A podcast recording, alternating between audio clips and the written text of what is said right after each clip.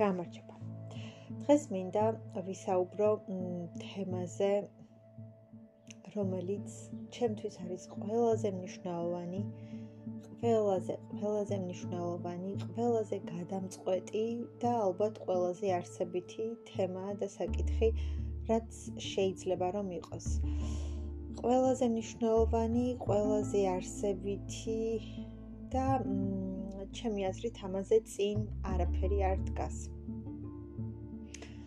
აა თუმცა აქვე შეიძლება რომ ვთქვათ და მე უნდა ვთქვა ის რომ გაჩნია ვინ როგორ რანაირად და რა კუთხით უყურებს ზოგადად ამ თემებს და ამ საკითხებს. მე მგონია და ჩემი აზრით ყველაზე მნიშვნელოვანი თემა და საკითხი არის თავისუფლება. თავისუფლება და დამოუკიდებლობა და ადამიანის პირადი სივრცე, რომელიც უნდა იყოს ხელშეუხებელი და უნდა იყოს მართლაც თავისუფალი.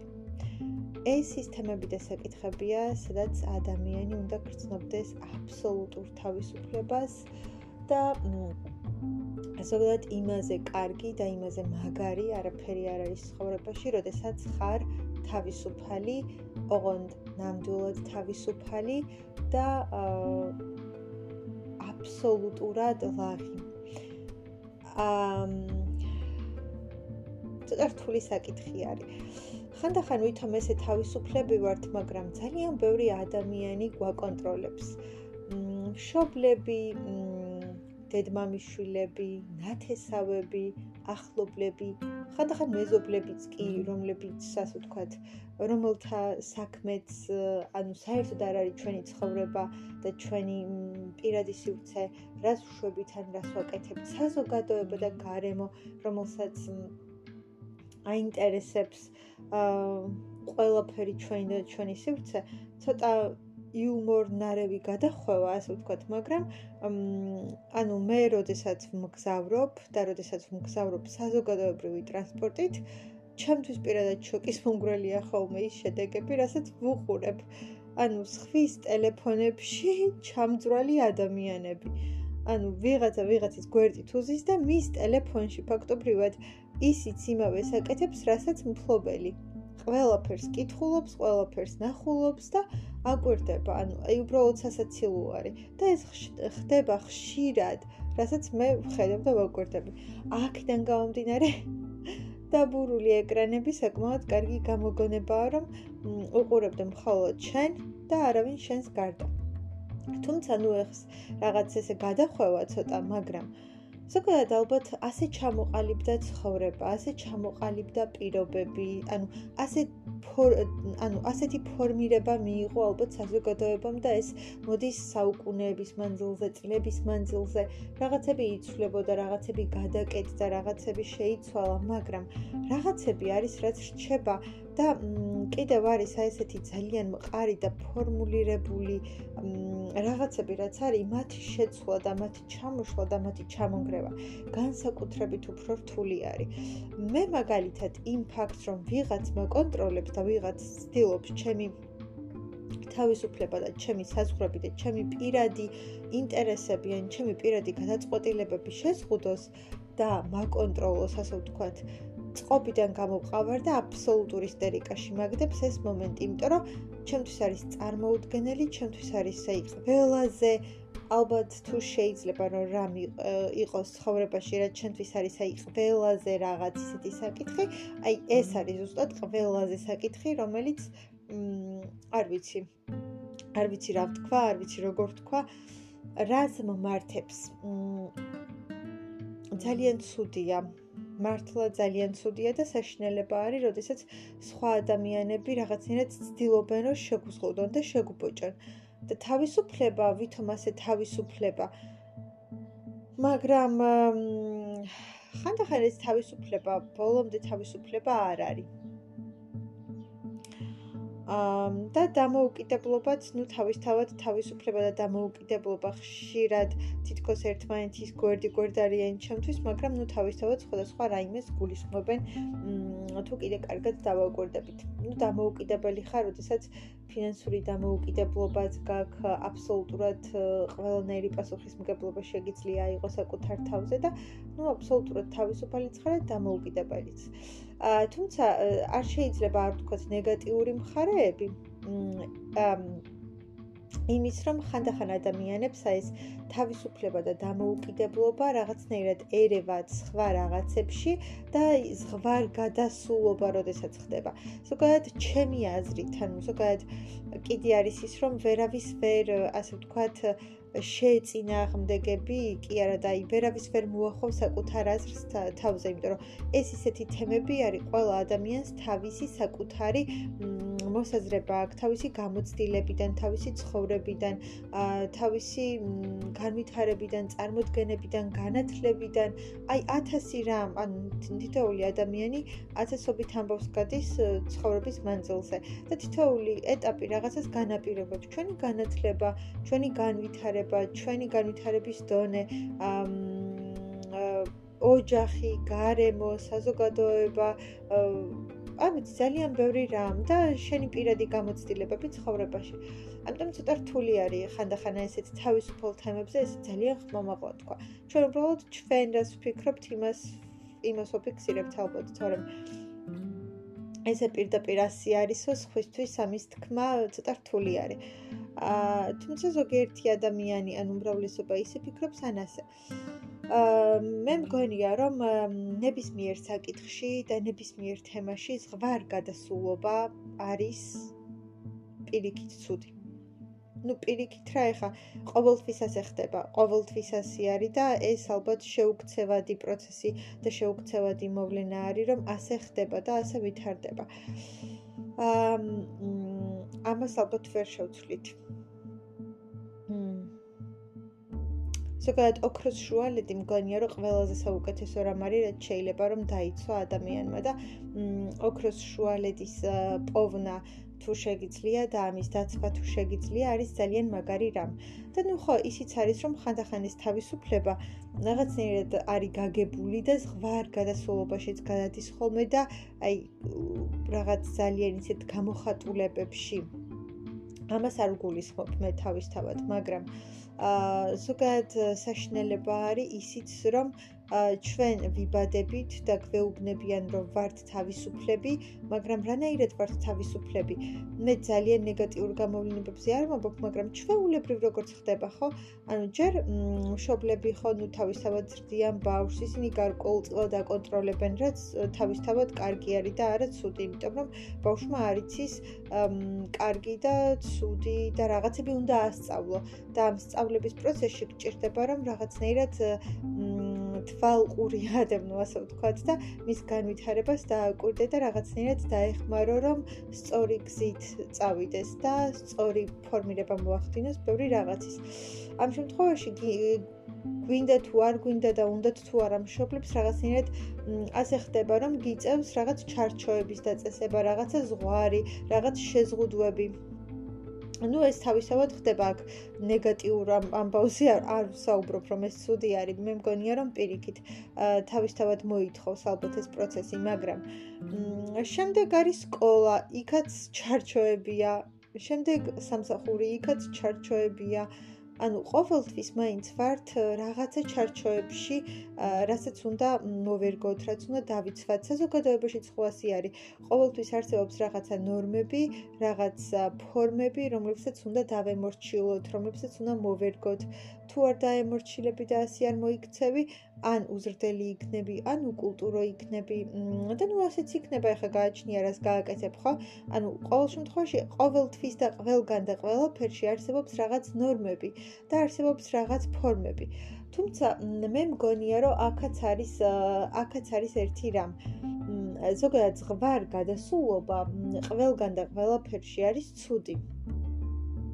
ნებისმიერ საკითხში მე მაგალითად პირადად მე ვეთანხმები იმას, რომ გარკვეულ ასაკამდე, როდესაც მშობელი ზრდის ბავშვს, მას სჭირდება შეზღუდვებით, ჩარჩოებით, ну შეზღუდობს ახლა ისეთ რაღაცას არ გულისხმობ, რომ ვიღაცა საშინლად ექცეოდეს და რაღაც, მაგრამ ზოგადად ხო დაწესებული უნდა იყოს რა შეიძლება რა არ შეიძლება რა უნდა ქნას რა არ უნდა ქნას როგორ უნდა მოიქცეს კონტროლი მეთვალყურეობა როგორ სწავლობს როგორ მეცადინეობს რა საკეთებს ანუ მზრუნველობა მის განვითარებაზე ყველანაირ განვითარებაზე და კარგი კუთხით განვითარებაზე და ну სანამ ასე ვთქვათ გაიზრდება ადამიანი და ჩამოყალიბდება ეს პროცესი მე აბსოლუტურად ნორმალური მგონია ბავშვ ბავშვი ესე ვერასოდეს ვერაფერს ვერ ისწავლის თუ ვიღაცამ არ ასწავლა თუ არ მისცა გზა და მიმართულება. აა ჩვენს ასე ვთქვათ ვინც უკვე ზრდასრულები ვართ ვერ ვისწავლიდით ხომ? ბევრ რაღაცას რომ არა მშობლის ჩართულობა რომ არა მათი რა ვიცი მზრუნველობა მათი ყურადღება გარკვეული რაღაც ნორმები და ეს ყველაფერი რომ არ მოეცათ და ესწავლებინათ. თუმცა, აქაც ასე ვთქვათ, რომ ვისაუბროთ მეორე მხარეზე, ჩემი აზრით, აი თუ ავიღებთ იმას, რომ ხომ არის სამწუხაროდ საბედნიეროდ არის ასეთი შემთხვევები, როდესაც მაგალითად 40 წლის ადამიანს ისევ აკონტროლებენ მშობლები. სად მიდის, სად მოდის, რასაკეთებს რაღაცა რაღაცა ძალიან ისი პატარა ბავშვით. აი ეს გამოვლინება უკვე მგონია ნეგატიური. ანუ რაღაც ზღვარზე და რაღაც ზღვრამდე ეს არის ნორმალური მისაღები და ეს არის კი ბატონო, კარგი და შეიძლება რომ კარგი და პოზიტიური ვუწოდოთ, მაგრამ იგივე ქცევა გარკვეული ასაკის შემდეგ უკვე გადადის ნეგატიურში. ასევე ადამიანის მიერ გადამეტებული ასე ვთქვათ, აღქმა თავისუფლებისა და ზღვარ გადასული ქცევა, გადადის უკვე თავხედობაში, ხანდახან უზრდელობაში, უკულტურობაში, აა ცუდ გამოვლინებებში, რა ვიცი, რაღაც და ყველაფერს ერქმევა რომ თავისუფლება, მაგრამ თავისთავად აქაც ცუდი არის, ხო? ყველა მოვლენას ზოგადად მე ასე ვხედავ, რომ ნებისმიერ მოვლენას აქვს თავისი პოზიტიური მხარე და თავისი ნეგატიური მხარე. ძალიან პოზიტიური გამოვლინება და ძალიან ნეგატიური გამოვლინება. და ამას ჩვენ ვერ შევცვლით, უბრალოდ ეს ასე არის. ასე ხდება ცხოვრებაში ნებისმიერ მოვლენას აქვს ორი მხარე. პოზიტიური, ნეგატიური და რაღაცა არსებობს ზღვარი, რაღაც ზღვრამდე ეს ყველაფერი კარგია, ეს ყველაფერი ნორმალურია და მისაღებია და რაღაც ზღვარს იქით უკვე იქცევა ნეგატივად. და აი ამის გაკონტროლება ალბათ არის ყველაზე რთული, რომ რა ეტაპამდე არის ეს ყველაფერი კარგი. მაგალითად, გადამეტებული ზრუნველობა და გადამეტებული ყურადღება და გადამეტებული, არ ვიცი, თან გადაყოლა აა და ძალიან დიდი სითბო და სიყვარული და ზედმეტი მზრუნველობა და ზედმეტი არ ვიცი რაღაც რაღაც ეტაპამდე შეიძლება კარგი იყოს ისევ ბავშვისათვის მაგრამ რაღაცა ასაკს იქით ჩემი აზრით ყოველ შემთხვევაში შეიძლება ბავშვის გაზულუქება გამოიწვიოს როგორც ასეთი ტერმინით ანუ შეიძლება რომ გავაზარმაცოთ ბავშვი ძალიან გავათამამოთ. და ეგონოს დაიფიქროს რომ ყველაფერი ყოველთვის ცხოვრებაში ასე უნდა იყოს. სულ უნდა ემსახურებოდნენ სულ უნდა უკეთებდნენ სულ აი ესე უნდა მოსდიოდეს ყველაფერი ვითომცა არაფერი და რაღაცეერთ გაზარმაცდეს და არ უნდადეს შრომა არ უნდადეს მუშაობა, არ უნდადეს რაღაცა გარჯა და აი რაღაცნაირად გაფუჭდეს ამ კუთხით, რომ აი რაღაც ამ ამ მომენტს შეეჩვიოს. შესაბამისად, ის რაც პოზიტიური და ძალიან კარგი იყო და ყველა ადამიანს მე მგონია მით უმეტეს საწყის ეტაპზე და რაღაც გარკვეულ ასაკამდე მოზარდს ბავშვს მით უმეტეს სიყვარული ძალიან სჭირდება, სიყვარულის მიღება, სიყვარულის შეგრძნება, რომ უყვართ და ეს რაღაც ძალიან პირიქით, რაც უფრო სიყვარულში იზრდება ზოგადად ადამიანი მგონია, რომ ძალიან კარგი იქნება და კარგ შედეგს გამოიღებს. აა მაგრამ ეს ნამეტანი თუ იყო და აღარ დასრულდა არასოდეს რაღაც ეტაპამდე დასრულდა რა ანუ არ დაბალანსდა რაღაცებით მე შეიძლება რომ პირიქით ცუდი შედეგი მოიტანოს, ხო? მე ყოველ შემთხვევაში ასე ვხედავ. ასევე არის ის კონტროლის ნორმები, რომლებიც ხანდახან ვრცელდება. როდესაც არ ვიცი, ადამიანებს ნებისმიერი ადამიანი მშობელი იქნება ეს ნათესავი იქნება ახლობელი იქნება მეუღლე იქნება ვინც არ უნდა იყოს ხანდახან გონიათ რომ უნდა აკონტროლონ ერთმანეთი და შეუზღუდონ ერთმანეთს ყველანაირი თავისუფალი სივრცე თავისუფალი გამოხატვა რაღაც. მე მაგალითად პირადად მე მაგალითად მაღიზიანებს ისიც კი როდესაც მეკითხებიან აი სად მიდიხარ? განა იმიტომ რომ დასამალი არის აქ რაიმე არა უბრალოდ აი რაღაც ჩემი თავისუფალი რაღაცა თითქოს ირღვევა, ანუ სადაც მინდა იქ მივდივარ და შეიძლება ესე დაზუსტებით არც მქონდეს გადაწყვეტილი, შეიძლება მქონდეს უბრალოდ სადღაც მაღაზიაში გასვლა. მე რა იქიდან შეიძლება სპონტანურად მომინდეს სადღაც წასვლა, ეს ხო ჩემს აბსოლუტურად თავისუფალ ნებაზე და სრულზე არის დამოკიდებული. უცბად შეიძლება რაღაცა მომინდეს, მე რა იქ დაჯდომა მომინდეს, იქ ყოფნა მომინდეს, რაღაცა, რა ვიცი, კაფეში გასვლა მომინდეს, ყავის დალევა მომინდეს, ან სეირნობა მომინდეს, ხო? ანუ როდესაც ამას მეკითხებიან, ანუ როდესაც მეკითხ, როდის მოხვალ, ანუ უკბე რაღაცნაირად ჩემი ჩემი რაღაცნაირად სივრცე იზღუდება თითქოს და იჭრებიან იმ პირად სივრცეში, რომელიც ჩემი არის და ჩემი უნდა იყოს, რომელიც მხოლოდ ჩემს თავისუფალ ნებასა და გამოვლინებას ეხება. აქედან გამომდინარე, შეიძლება ამ შემთხვევაში, ჩემ ჩემ შემთხვევაში მეც გადამეტებულად აღვიქვამდე და გადამეტებულად, ასე ვთქვათ, გადამეტებულად მძაფრი იყოს ჩემი აღქმა ამ თავისუფლებისა და ჩემი დამოუკიდებელი სურვილებისა და ნების გამოხატვასთან მიმართებით და ანუ ძალიან ღიზიანდებოდა ამ ბრაზდებოდა ნებისმიერ უნიშნულო რაღაცაზეც კი რაც მთლად ასე მძაფრად არ უნდა იყოს აღქმული და გაგებული, მაგრამ მე არ ვიცი ყველაზე მეტად რაც კი ალბათ რასაც ვაფასებ, რაც ჩემთვის ძალიან მნიშვნელოვანია და რაც რაც არ ვიცი, ძალიან მიყვარს და რაც უპირველეს ადგილას დგას ჩემს ცხოვრებაში, ეს არის თავისუფლება და დამოუკიდებლობა. ამაზე წინ უბრალოდ ვერა ვერაფერ და ვერც ერთ საკითხს ვერ ვაყენებ და შესაბამისად ნებისმიერი გამოხატულება, როდესაც სხვა ადამიანი ჩემი ნების გარეშე ამ სივრცეში რამე ფორმით და სახით იჭრება და ცდილობს რომ რაღაცები ზედმეტად ჩაერიოს თუ ზედმეტად გაიგოს თუ ზედმეტად გამომტყუოს თქო, აი არ ვიცი რაღაც, ანუ რისი თქმა ან რისი გაზიარებაც მე ბუნებრივად არ მინდა და უბრალოდ აი თავისუფლად და ჩემს ნებაზე და ჩემს რაღაცაზე მინდა რომ ვიყო. აი ესეთ რაღაცებზე უკვე მე ძალიან ვხიზიანდები და ძალიან ცუდი დამოკიდებულება და რაღაცა მიჩნდება, იმიტომ რომ ჩემთვის არის მართლაც წარმოუდგენელი, რომ ერთი ადამიანი მეორე ადამიანის პირად სივრცეში ასე იჭრებოდეს და ერეოდეს. ხშირად ეს კითხვების შემთხვევაში ხდება ხოლმე, როდესაც ადამიანები კითხვებს სვამენ. ა იმასთან დაკავშირებით თუ რას შვები და რას აკეთებ და აი რა ვიცი რაღაცა ისეთ კითხვებს როდესაც სვამენ ხოლმე. მ ამ რაც ასევე ასევე ანუ არ არის მისაღები და არ არის კარგი ფორმა რომ კითხვა დაუსვა, იმიტომ რომ შეიძლება იმ ადამიანს არც უნდადეს ამ თემაზე საუბარი, ამ თემის განხილვა, მით უმეტეს შენთან და აი ვითომ უწყინარი კითხების სიაში რომ შედის ხოლმე, ხანდახან ასეთი კითხები შეიძლება რომ არც თუ ისე სასიამოვნო მოსასმენი იყოს და შეიძლება იმ ადამიანს არც უნდადეს ამაზე თქმა და ლაპარაკი და ნუ შენთვის გაზიარება. თუმცა ესეც მგონია რომ დღესდღეობით ნელ-ნელა იცვლება და ნელ-ნელა რაღაცნაირად გადასხუფერება მოდის ამ კუთხითაც. მაგალითად, როდესაც იციან ან იცოდნენ, არ ვიცი, კითხვის დასმა თუ რამდენი გაქვს ხელფასი. ანუ ძალიან პირადი ინფორმაცია. იქნება არ მინდა რომ ხომ ახლა თქვა და ვილაპარაკო ამ თემაზე და გავაგებინო ყოველას რამდენი არის ჩემი შემოსავალი, ანუ არ ვიცი, რაღაცნაირად მგონია რომ ძალიან პირადია. ან როდესაც დასაოჯახებელ ადამიანებს ეკითხებიან, როდის თხოვდებიან, სოლი როდის მოგყავს.